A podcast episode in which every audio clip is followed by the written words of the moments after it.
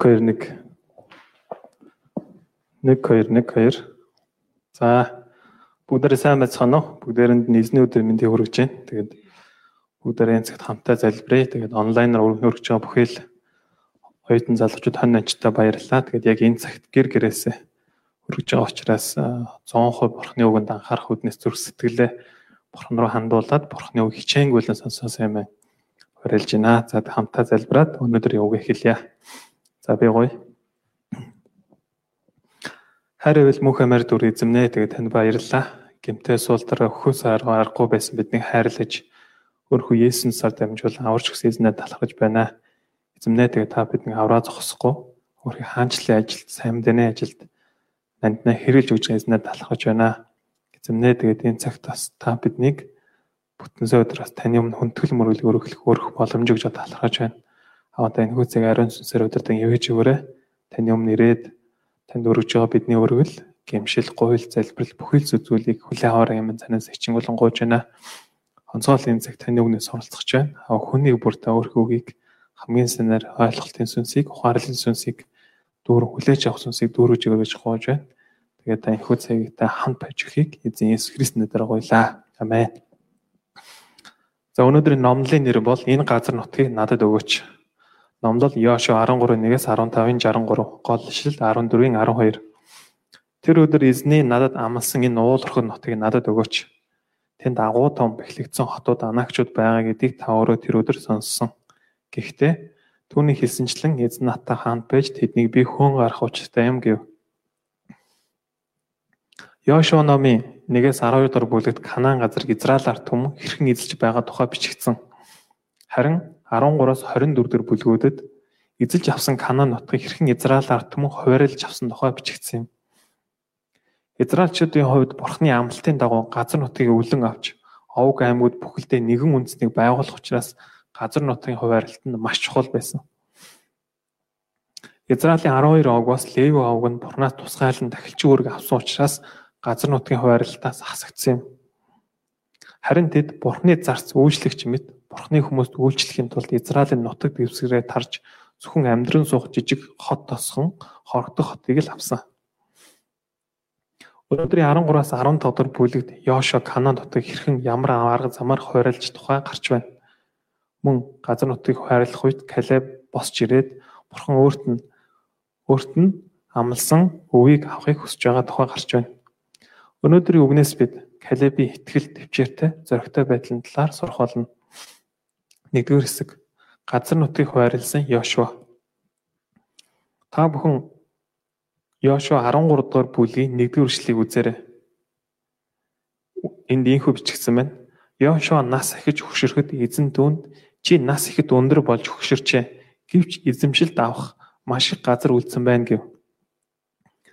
Өнгөрсөн 7 хоногийн номлоор бид Израильчууд Канаан нутгийн урд хэсэг хэрхэн эзэж эзэлж авсан тухай сурсан. Харин Йошуа 11-12 дугаар бүлгээс харвал Израильчууд Канаан нутгийн хойд хэсгийг хэрхэн эзэлж авсан тухай бичигдсэн байдаг. Ингэснээрээ Израильчууд Бурхны амлагдсан Канаан нутгийн гол гол стратегийн чухал холбогдолтой том том хотуудыг хотууд ба газар нутгийг бүгдийг нь эзэлж авсан юм. Өөрөөр хэлбэл Канаан нутгийг Израильчууд эзлэхэд шаардлагатай томоохон дайнууд бүрэн дууссан гэсэн утгатай. Энэ хүртэл Израильчууд хэдэн жилиг шаардсан бөгөөд ойролцоогоор 5-аас 7 жилиг зарцуулсан хэмээн үздэг.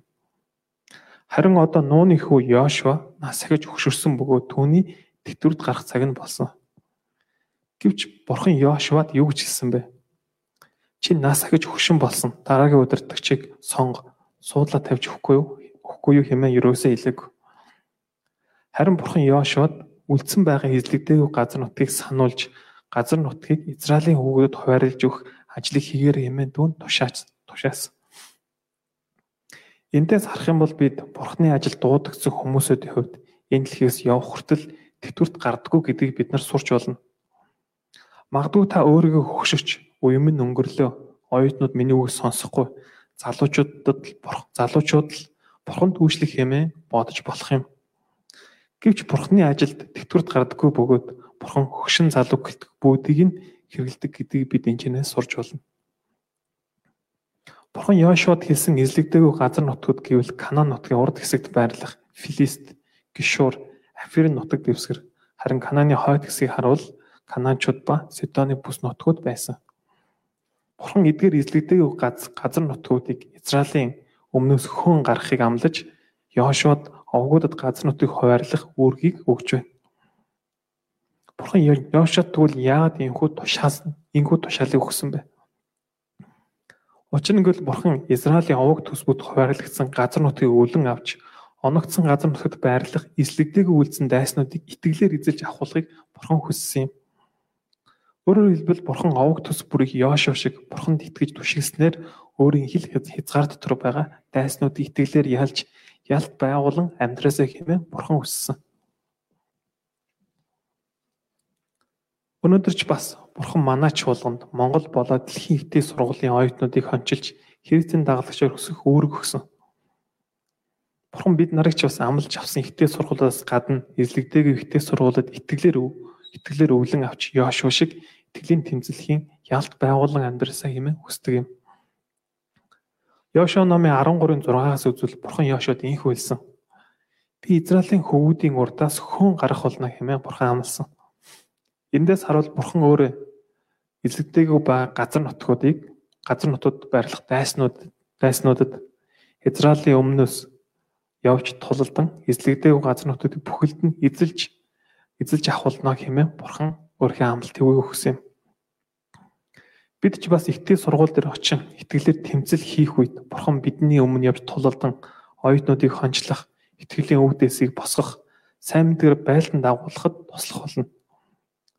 Энэ цагт манай чуулганы хүн нэг бүр small group бүр Бурханы амлаж өгсөн ихтэй сургуулийг дахин санаж итгэлийн тэмцэл хийснээрээ ялт байгуулж энэ цаг үеийн хаанчлалын ажлыг тэлэхэд нандна хэрэглэж чадахыг хүсэн гоож байна. 13-ын Йошуа номын 13-ийн 8-аас 13 дугаар ишлэлүүдэд Йордан голын зүүн талын нутгийг Рубен, Гад, Манасегийн хагас овогт хэрхэн өгж байгаа тухай бичигдсэн. Израильчууд Йордан голыг гаталж амлагдсан газар руу орохоос өмнө Мосе Хишбоны хаан Сихон, Башаны хаан Ог нартай тулдан Йордан голын зүүн талыг бүрэн эзэлж авсан байдаг. Үүнийхээ дараа дээрх гурван овогт хуваарлаж өгсөн. Тиймээс Йошуа одоо Мосогоо дамжуулан өгсөн Рибун Гад Манасегийн хаах совын газар нутгийг дахин баталгаажуулан тэдэнд хэлж байна. Энэ цагт Йошуа 14-ийн 1-ээс 5 дахь ишлэгийг үзээрэй. Энд Йордан голын зүүн талын хэсэг Йошуа Израилийн үлдсэн хогуудад хэрхэн хуваарлаж хуваарлаж байгаа тухай гарч байна. Бүгдээр 1 2 дугаар ишлэгийг хамтдаа уншъя. Йошуа 14-ийн 1 2 дугаар ишлэл. За эхлэе. Канаан нутаг дахилж Илязар, Нууны хүү Йошо болон Израилийн хүүдийн овгийн ахлагчид газар нутгийг өвлүүлэхээр хуваарлахад түүнийг нь Израилийн хүүд өвлөн авсан юм. Эзний тушаас ёсоор эдгээр нутгийг Мосе 9 ов ба хагас ов шавгаар хуваарлаваа гэж байна. Эндээс харуул дахилж Илазар, Нууны хүү Йошо болон овгийн ахлагч нар нутгийг хуваарлахад оролцсон. Энэхүү хуваарлалтанд хуваарлалтанд дахилж Илазар оролцож шавх хаян хуваарлсан нь Бурхны удирдлага ба Бурхны арга замын дагуу энэхүү ажил нь явагдсан гэдгийг бид нар харж байна.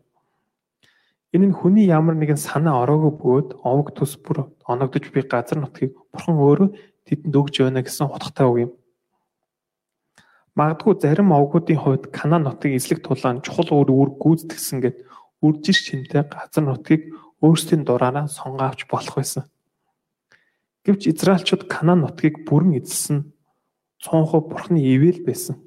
Өөрөөр хэлбэл бурхан Израильчуудад тусалж дэмжээгүй байсан бол тэд Канаан нутгийг эзэлж чадахгүй байсан юм. Гэвч бурхан Израилийн төлөө дайцсан тул бурхан тэдэд туссан учраас тэд Канаан нутгийг бүрэн эзэлж чадсан юм. Тиймээс одоо шавгаар хуваарлын өгч буй газар нутгийг бурхны ивэл хэмээн үзэж харуу сэтгэлээр хүлээн авах ёстой байсан. Эндээс бид нэг зүйлийг сурч болно. Өнөөдөр бидний хувьд ч гэсэн бидэнд байгаа бүх зүйлс нь Бурхны ивэл билээ. Заримдаа бидний хувьд залуу насаа Бурхан зориулсан юм чинь, ингэж ингэж үйлчилсэн юм чинь, ингэж ингэж золиос гаргасан юм чинь, Бурхан намайг ингэж бусдаас илүү өрөө миний энэ гуйлт ба хүслийг заавал биелүүлэх ёстой хэмээн бодох үе байдаг. Гэвч бид өөрсдөө амьдралыг сайн харуул өнөөдрийг хүртэл би итгэлийн замаар явж бурхан дүүчлэн үр жимстэй. Өнөөдөр надад байгаа амьдралын энэ бүх олон өрөөлөд идэлж байгаа нь бурхны 100% ивэл ба нэгүслийн улмаас юм. Тийм ээ. Түүнээс биш би мундагтаа, би сайндаа, би гавьяатаа учраас өнөөдөр энэ бүх эвлийг эдэлж байгаа хэрэг биш билээ. Тиймээс бид үргэлж бурхан талархан, даруй сэтгэлээр амьдрах хэрэгтэй. Гмийн боолоор амьдарч өхөөс өөр аргагүй байсан намайг аварж өгөө зогсохгүй авралын ажил хэрэг хэрэглэж байгаа талархан энэ цагт намайг дагуулan удирдахыг хүсч бурхны удирдал ба чиглүүлэхэд даруй сэтгэлээр дуулахтаа даан амьдрах хэрэгтэй. Манай чуулганы хүн нэг бүр Бурхны өнөөдрийг хүртэл надад зөвшөөрч өгсөн бүх ивэл ба нэгүсэл чин сэтгэлээсээ талархан даруй дуулууртай сэтгэлээр Бурхны өмнө амьдарч чадахыг хүсэн гооч бай. Мөн хойшид дагуулах Бурхны удирдлага ба чиглүүлгийг 100% Бурхны хүсэл ба таал байна хэм итгэлээр хүлээн авч чадахыг хүсэн гооч байна. Энэ цагт бидний хүн нэг бүрийг сонгон дуудаж Иесус сар дамжуулан аварч нандин хончны үүрэг ба загламайг өгч гэр бүл, үр хүүхэд, ажил мэргэжил, амьдрах орон байр гэд бүхэл зүйлийг өрөөж гисэн бурханд бүхэл алдар магтаалыг өргөж байна. Хоёрдугаар хэсэг энэ газар нутгийг надад өгөөч. 14-6-аас 15. Одоо 14-ийн 6 дахь ишлэгийг үзээрэй. Тэгтэл Гилгалд Йошуа дээр нуу Юдагийн хөвгүүд ирэв. Тэднээс Кениз хүн Ифунегийн хөв Калеб түнд Кадеш Барнад Бурхны хүн Мосогоор дамжуулан та бид хоёрын тухай эзэн юу хийснийг та мэднэ гэв. Йошуа газар нутгийг шавгаар хуваарлах үед Калеб хурж ирээд 45 жилийн өмнө бурхан өөрт нь юу амлаж байсныг сануулсан. Калеб 45 жилийн өмнө Йошуа болоод 10 тушуулын хамтар Канан нутгийг тандахаар явж байсан. Тухайн үед Калеб 40 настай байсан. Одоо тэрээр 85 настай бөгөөд 40 жилийн турш цөлөөр тэнүүчлэн дайн дулаан хийж өнгөрөн сүүлийн 5 жилийг Канан нутгийн ширүүн тулаанд өнгөрөөснөөр өдгөө 85 настай болсон. Калебийн амьдрал нэгэн жуул нэгэн чухал үйл явдал болсон нь Кадеш Барнад болсон юм. Тоолго номын 14-ийн 24-ээс харуул ийхүү хэлсэн байна. Эзэн Мосед харин миний зарц Калеб өөр сүнстэй байж намайг бүрэн дагсан тул түүний орсон тэр нутагт нь би түүнийг аваач бөгөөд үр өдөм нь тэр газрыг эзэмших болно хэмээн бурхан амласан. Калеб Канан нутгийг тандахаар 10 туршуулын хамтаар явах үед бусад 10 туршуул нь хүч чадалтай анак хүмүүсийг харан айцд автан Бурхны өгсөн амлалтыг мартаж бодит байдлыг харан дүгнэлт хийдэг. Үүнээс болж Израилийн ард түмэн бүхэлдээ дууган өндөрсөн гашуудаж Бурханд үл итгэлийг харуулдаг. Харин энэ үед Калеб Йошоноор хоёулахна хувцсан уран Бурханд итгэх хэрэгтэй гэдгийг хэрэгтэй гэж ард түмэн болоод 10 туршуулын эсрэг Бурхны талд баттайгаар зогсож байсан юм. Бурхан Калебийн энэ л итгэлийн үйлдэлийг өрөөж онцгой амлалтыг өгсөн байдаг. Калебийн хувьд өнөөдрийг хүртэл Бурханы өгсөн амлалтыг хүлээж авах хүртэл 45 жилийг зарцуулсан. Энэ их урт хугацаа бөгөөд түн олон зүйл тохиолдсон байх. Гэвч түүнийг ямар ч цаг үед түүнийг тэтгэж хүчрүүжүүлж байсан зүйл нь энэ л амлалтын үг байсан. Магадгүй түүнийг 45 жилийн турш ямар ч цаг үед хүчтэй болгодог, тэтгдэг, хүчржүүлдэг зүйл нь энэ байсан баг. Энэ цагт таныг юу тэтгэж, юу таныг хүчржүүлж, юу таныг ямар ч цаг үед даван тулах хүч болдог вэ? Ихэнх хүмүүсүүдийн хувьд энэ дэлхийн нүдэнд харагдах гарт баригдах бод зүйлсийг бүхэл итгэл найдвараа тавьдаг. Гэвч 1-р Петр номын 2:9-д ийм хэлсэн. Бүх мах бод болоос өвс мэт бөгөөд бүхэл алдар нь өвс ногооны цэцэг цэцэг мэт Өвс хатдаг цэцэг ганддаг харин эзнүүх үг мөхөд оршно хэмээн хэлсэн. Эндээс харуул энэ дэлхийн бүхэл зүйл нь устж үгүй болдог бөгөөд харин Бурхны үг хизээж устдаггүй бөгөөд үр мөхд оршдог хэмээн хэлж байна. Одоо 12 дугаар ишлэгийг үзээрэй. Тэр өдөр эзний надад амласан энэ уулуурх нутгийг надад өгөөч. Тэнд агуу том бэлэгдсэн хотод анаагчуд байгаа гэдгийг та өөрөө тэр өдөр сонссон. Гэхдээ түүний хэлсэнчлэн эзэн надтай хамт байж тэдний бие хөөн гарах учиртай юм гэв. Калеб бурхны өөрт нь амласан Хеброны уулуурх нутгийг өгөхийг шаард өгөхийг Йошуагаас хүсэж байна. Калеб одоо 45 нас хүрсэн ч хүрсэн учраас үржил шимтэй сайхан газар нутгийг сонгож аваад амар тайван амьдарч болох байсан. Гэвч агуу том бэлгцэн хотуудтай уулуурх нутагт амьдардаг анаагчуудтай тулдан эзэлж авахыг хүсэж байна. Эндээс харуул Калеб итгэл нь 45 жилийн өмнө 40 настай залуу итгэлтэйгээ адил одоо ч хүртэл байна гэдгийг бид нар харж байна. Бурхан өөртөө хамтаж дайснуудыг нөхөн зайлуулахад тусалж амлагдсан газар нутгийг эзлэх болно гэсэн бат итгэлтэй байсан. Ийхүү Йошуадэр ирсэн Калебыг Калебыг Йошуа ерөн Хеброныг өв болгон хүсэн байдаг. Йошуа номын 15 дугаар бүлгийн 13-19-с үзвэл Калеб Анакчуудтай тулдан Хеброныг эзэлж авсан байдаг. Ингээд Калеб бурхны амлсан амлтыг бодтоор өвлөн авдаг. Тэгвэл эндээс бид юу сурч болох вэ? бид бурхны амлалтыг хүлээн авсан бол бурхны амлалт биелэгдэх хүртэл төвчээртэй хүлээх хэрэгтэй бөгөөд бурхны амлалтыг эзэж орхиж болохгүй гэдгийг Калебийн амьдрал бидэнд заа өгч байна. Авраам бурхны амлалтыг хүлээж авах хүртэл 25 жил хүлээсэн. Мосе 40 жил, Калеб 45 жилийн эцэст өөртөө өгсөн бурхны амлалтыг хүлээн авч байна. Тиймээс бид бурхан над өгсөн амлалтанд итгэж төвчээртэй хүлээвэл цаг нь болоход заавал биелэгдэг гэдгийг бид нар сурч болно. Өнөөдөр бурхан бидний хүнийг бүрийг дудаад өөрийн амлалтыг үгээ өгдөг. Таны зүрхэнд таны зүрх сэтгэлд өгсөн бурханы амлалтын ямар үг байдаг вэ? Танд ямар цаг үе даван тулахд хүч болдог, өргөж тэтгэдэг, өргөж хүчрчүүлдэг ямар бурханы амлалтын үг байна вэ? Энэ цагт хүнийг бүр энэ хин тухай тунгаан бодож үзхийг уриалж байна. Манай чуулганы хувьд жил бүр хувь хүний болоод чуулганы гол ишлэлээ оныхыг сонгодог. Таны энэ жил Бурхны өгсөн ямар үг вэ? Та энэ жил ямар үгийг сонгосон бэ? Санаж үү? Энэ жил сонгосон ишлэлээ. Бүгд мартсан те. Мөн таны амьдралын гол ишлэл ямар ишлэл байдаг вэ те? Хүн болгонд амьдралын гол ишлэл байдаг те. Танд амьдралын ямар гол ишлэл байдаг вэ?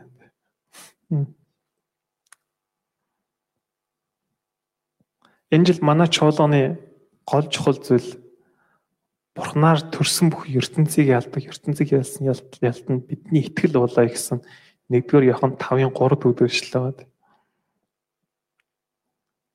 Эдгээр бүх үгнүүд нь бүгдээрээ Бурхны бидэнд өгж буй амлалтын үг юм. Мөн бидний хүнийг бүрийг хончноор босох үед бурхан бидэнд бас нэг амлалтын үгийг өгдөг ба хүн болгонд адилхан. Ямар үг вэ? Санаж байна. Хончноор босохдоо бид нар ямар зарилгаар босдог вэ? Йохан номын 20 Йохан номын 20 21 дэх бүлэгтээ чи над таартай миний хондиг дижээ хэмээ хэмээсэн хэмээх үг байгаад. Мөн бидний гэр бүл болоход илгээлтээр явхад шинэ ажилд ороход мөн чухал чухал шийдвэр гаргах үед бурхан бидний амьдралд амлалтын өгөө өгдөг байна. Энэ мэд танд өгсөн бурханы амлалтыг та хэр санаж таны зүрх сэтгэлд хэр хадгалаатай байдаг вэ? Бидний хувьд заримдаа бурхнаас анх амлалтыг хүлээ авахд эхэндээ маш хүчтэй итгэн хүлээж авч урам зориг өсөл найдраар маш хүчтэй дүүрдэг байна. Гэвч хэсэг хугацаа өнгөрсөн дараа амьдралын янз бүрийн зовлон бэрхшээл асуудалтай нүүр тулах үед шууд Бурхны амлалтын үгийг мартдаг. Үүнээс болж Бурхны амлалтанд итгэх итгэл суларч Бурхны үг хүчгүй зүгээр нэг бэлэгдлийн чанартай болдог. Гэвч өнөөдөр Калебийн амьдралыг харуул бидэнд өгөгдсөн Бурхны амлалтыг хизэж мартахгүй бөгөөд зууран амьдрах хэрэгтэй гэдгийг бид нар зааж өгч байна. Калебийн хувьд 45 жилийн турш цөлөөр тэнүүчлэн Канаан нутгийн ширүүн дайн тулаан хийж сайн муу ямар цагуутаа нүүр тулсан Бурхны амлалтыг мартаагүй бөгөөд сансаар байсан дээ. Би дахиад хэлж үгэй. Калеб 45 жилийн турш цөлөөр тэнүүчлэн Канаан нутгийн ширүүн дайн тулаан хийж сайн муу ямар цагуутаа нүүр тулсан Бурхны амлалтыг мартаагүй бөгөөд үргэлж сансаар байсан. Тиймээс тэр эцэстээ 85 настай болох үед Бурхны өөрт нь амласан амлалтын үе боддоор амьдрал дээрээ хүлээн авсан юм. Тиймээс бид ч бас Калеб шиг бидний хүнийг бүрд өгсөн Бурхны амлалтыг үргэлж санаж итгэмжтэй, итгэлтэй, төвчээртэй байцгаа хэмээн уриалж байна. Исаи номын 55:10-11 инхүү хэлсэн байна. Бороо цас тэнгэрээс бууж ирээд газрыг цохын ургууж тариачинд үрийг идэгчдэд талахыг өгөгч газрыг усалтлаа буцдаггүй тайдал анмаас минь гарсан миний үг над руу хоосон буцаж ирэхгүй. Харин юу хүснэг нь хэрэгжүүлж юунд илгээгдсэнийг нь гүйцэлдүүлнэ юмэлсэн байна.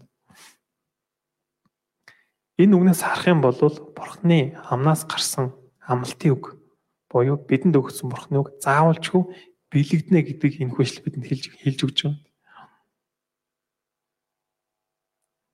Тиймээс энэ цагт хүн нэг бүр Бурхны амлалтыг хүлээн авах хүртлээр итгэлтэй, төвчээртэй, тууштай байцах юм уриалж байна. Тэгвэл Бурхны амлалтыг бидний амьдрал заавалчгүй биелэх болно. Амен. Энэхүү номлыг бичиж явах үед Бурхан намайг гэр болох үед гэр бүл болох үед өгсөн амлалтын үгийг дахин санаж үргэлжлүүлэн итгэх хэрэгтэй гэдгийг сурлаа. Гэр бүл болох үед өгсөн Бурхны үг нь Эхлэл 12-ын 2 буюу чамаас би агуу үндэсний гаргаж чамааг бас би ерөөн чиний алдрыг би агуу болгоно. Тэгээ чи ерөөл болтгоо гэсэн үг. Анх энэ хүүгийг хүлээн авах үед Бурхан намайг бол манай гэр бүлийг Авраам шиг ерөөлийн үнсээр хэрэглэх болно гэсэн итгэлийг олсон. Одоо хүртэл хорим дээр номлосон хончны номлол цаасаар гэрт хадгалаастай байдаг. Гэвч заримдаа өөрийн өнгөрсөнд үйлсэн алдаа зөрчил, янз бүрийн асуудлын өмнө гарах итгэлгүй үйлдэл, хандлага, өөрийн нөхцөл байдал, одоо байгаа сул дорой байдал зэргийг харахтаа Бурхны өгсөн амлалтын үг боломжгүй мэт санагддаг. Гэвч өнөөдрийн үгнээс харуул Калеб шиг хичнээн цаг хугацаа өнгөрсөн ч сайн муу ямар цаг үед тулсан амлалтын үгнээс зурж төвчээртэй байвал цаг нь болохоор боддоор биллээ олно гэдгийг сурлаа. Бурхны өгсөн амлалтын үгийг амьдралд нь биллээ олголтгоо. Дүгнэлт Өнөөдрийн үгээр бид Бурхны амлалтанд итгэсээр байх үед цаг нь болоход заавал Бурхны амлалт биелэлээ олдог гэдгийг сурлаа. Бурхан хүний бүрд өөрийн амь өөрийн амлалтын үгээ өгдөг бид цаг хугацаа нөхцөл байдлаас хамаарч Бурхан бидэнд өгсөн амлалтын үг бүдгэрч мартагдаж болох юм. Гэвч бид үргэлж Бурханы амлалтын үгийг санаж итгэж найдаж төвчээртэй Бурханы тагсаар бойл боддоор Бурханы амлалтыг хүлээн авдаг гэдгийг сурч байна. Манай чуулганы хүн нэг бүр small group бүр энэ цаг үеийн калиф шиг итгэлийн үнээр амьдарч чадахыг хүсэн гойж байна. Амен. За би энэ цаг залбирая. Хайртай бурхан амнаа тэгээ танд баярлалаа. Өнөөдөр та бидэнд Калебийн итгэл болон амлалтанд амлалтыг хэрхэн хүлээж авсан тухай зааж өгсөндөө талархаж байна. Аа энэ л үг бидэнд сануулж байгаа нь ямар нэг утга учир байгаа. Эзэн минь та бас бидэнд өдөр болгон амьдралд минь та жил бүр өдөр бүр амлалтыг өгдөг. Аваад өгд бидэнд өгч тэр амлалтыг өгд Калеб шиг бид нар үргэлж зуурч итгэлтэй төвчээртэй хандхад тусч өгөөрэй гэж танаас их чангалан гуйж байна. Тэгснээрээ үнэхээр таны амлалтын үг бодтоор амьдралдаа калиб шиг амсдаг хүмүүсүүдээр та биднийг өдөрдөж хий танаас их чингүлэн гоож байна. Аваа онцгойл нь та бас манай чуулганд өгсөн Монгол болоод дэлхийгтэй сургуулиуд итгэлээр бид хүлээж аваа тэмцэл хийж ялт байгуул амьдрал тусч өгөрөж гоож байна. Эзэн өгснөнд баярлалаа. Бүх зүйлийг танд хатгаад эзэн Есүс Христос нэрээр гуйлаа. Амен.